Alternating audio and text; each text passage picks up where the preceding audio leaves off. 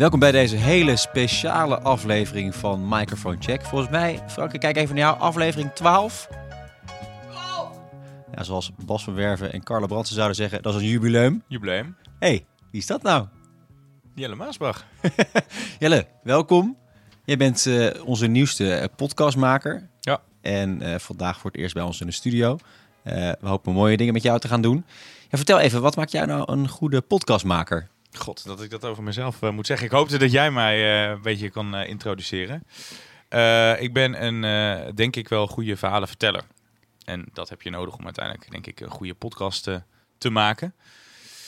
Dus dat een beetje. Maar ik vind het altijd heel ongemakkelijk om over mezelf... Ja, is ook een beetje praten. ongemakkelijk. Zou ik het dan maar zeggen? Jij bent iemand die hele complexe zaken goed en toegankelijk uit kan leggen. Nou, dank. Nou, dit was Microphone Check. Nee, we stonden dolle. Ik heb eh, voor eh eh, BNN Nieuwsradio heb ik drie jaar lang elke keer in de ochtendspits gestaan. Dus vroeg beginnen als beurscommentator. En mijn doel was om hele moeilijke dingen makkelijk uit te leggen. En je krijgt altijd pas te horen als je weggaat dat je het goed hebt gedaan. dat, dat wil je het liefst natuurlijk horen tijdens het werk. Maar Ja. dat kreeg je dan als feedback van luisteraars. En dat is mooi om te horen. ja. ja, en het is hartstikke top dat je bij ons ook podcasts gaat maken. Want ja, ik heb het natuurlijk met Frank al vaak over gehad. Eh, we hebben steeds meer klanten en eh, dus ook steeds meer podcastmakers nodig.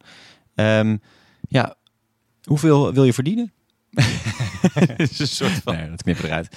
De laatste aflevering van Microphone Check was natuurlijk eh, wintergasten. Eh, een leuk concept, hebben we natuurlijk al eerder gedaan met zomergasten. Is onze beste, in ieder geval best beluisterde aflevering ooit. Het is een leuk concept. Laten we altijd de beste podcasts horen. In ieder geval die we zelf leuk vinden. Proberen de ander te overtuigen.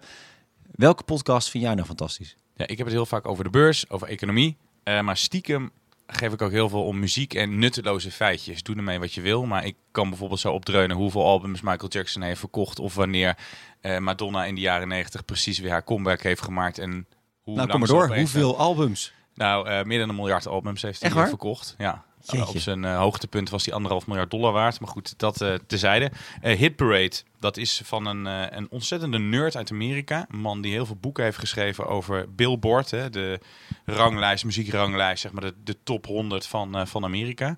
En die komt elke maand komt hij met een, het nieuws achter de muziek. Oké, en wat voor verhalen vertelt hij dan? Nou, hij heeft het dus bijvoorbeeld een keer helemaal gehad over Ray of Light. Het is een album van Madonna. Kleine disclaimer, ik vind haar verschrikkelijk als persoon en als muzikant. Maar zij heeft dus op eh, de oudste leeftijd nog een keer een comeback gemaakt. Die was over de, over de 40 en toen kwam zij in één keer met het album. En het was gelijk haar best verkopende album uit haar carrière in eh 1999, nee, in 1998. Ja. En dan vertelt helemaal het verhaal daarachter. En dan kan hij dus een uur lang over bomen. Dat vind ik wel echt fascinerend. En dan blijf ik ook gewoon luisteren. En leer je daar ook iets van? Ja, ehm, ik zou hem nog wel een kleine tip willen geven hoe je muziek moet gebruiken in je podcast. Want dat wordt echt bam in één keer Pats erin inderdaad, Dus ja. dat is wel lelijk. Ja. Maar het is heel leuk om, om de luisteraar erbij te houden hoe je hem boeit. En dat je dus met een aantal nutteloze feitjes... Ik vind het ook leuk op basis van één klein nieuwtje, een snipper nieuws... om daar een heel idee of een hele bijdrage, reportage op te maken. Ja. Dat heeft er wel tot kunst verheven. Dat hij echt op basis van zo'n klein gegeven... en één keer een hele podcast weet eh, te maken. En de Ja. luisteraar dus weet te boeien een uur lang. Ongelooflijk. Gaan we nu even naar luisteren? As that seemingly contradictory description indicates, Ray of Light was the culmination of multiple threads in the life of Madonna Louise Ciccone. Going into 1998, Madonna was entering her 16th year as a recording artist, already extraordinary longevity for a woman whose career grew out of New York clubs in the early 80s and a post disco brand of electric dance pop.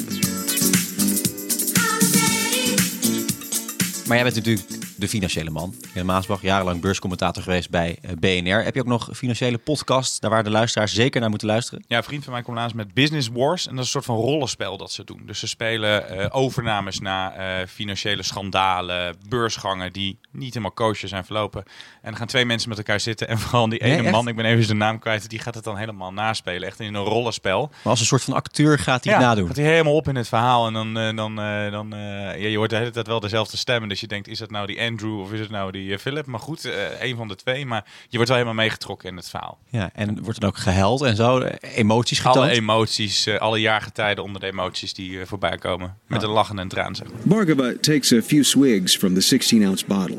It tastes okay, he thinks, but it's nothing special. He screws the cap back on and drops the bottle into his satchel. Bhargava feels the energy drink kicking in as he moves from booth to booth. He feels focused and alert, and he's still buzzing that evening when he returns to his hotel room. Intrigued, he retrieves the bottle from his bag. He looks at the ingredients list caffeine, taurine, B vitamins, all the usual energy drink ingredients. Still, Bargava's impressed. But he's also puzzled. Why sell this drink in 16 ounce bottles? That's a lot to drink. Why do they assume that just because he's tired, he's also thirsty? Makes no sense. As he sits on his hotel bed, he wonders what if the drink came in a small dose, like a shot of espresso? Bhargava envisions a concentrated energy drink sold in two ounce bottles. He imagines these bottles sitting next to cash registers across the land. After all, if you can down your energy booster in a single gulp, there's no need for it to be chilled. He pictures truckers and road trippers turning to his energy shot so they can avoid the extra restroom stops caused by large energy drinks. But what would he call this drink? Bhargava's not a showy guy, so he figures the drink's name should just say what it does. He looks at his watch. It's been five hours since he swigged the drink at the expo. Five hour energy. That'll do. It's a small idea, but it's going to have a big impact. And what's more, Red Bull and Monster won't even see five hour energy coming until it's too late. Ja, klinkt interessant. Ga ik zeker naar luisteren, Jelle. Ehm, bedankt voor je tips eh, en hartstikke welkom bij Microphone Media. Dankjewel, mooi om hierbij te zijn. Ja, echt top dat je er bent. En dan mag je nu de afsluiting van deze podcast doen. hey, zo hebben we het nog nooit gedaan. Zullen we hem daar gewoon bij houden? Nee, ik doe hem wel. Dit was weer Microphone Check, eh, onze podcast over het starten van een podcastbedrijf. Wil je nou niks missen? Abonneer je dan via iTunes, Spotify, TuneIn, Stitcher of waar dan jij dan ook je podcast vandaan haalt. Tot de volgende keer. Tot de volgende keer. Hoi.